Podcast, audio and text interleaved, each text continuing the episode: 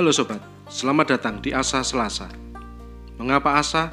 Karena tanpa asa tidak ada cerita. Ada apa dengan Selasa? Selasa adalah hari yang penuh harapan. Mengapa?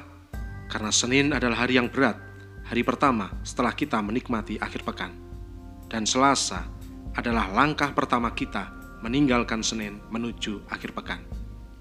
Setiap Selasa kita akan berjumpa dan saya akan berbagi asa dengan Anda.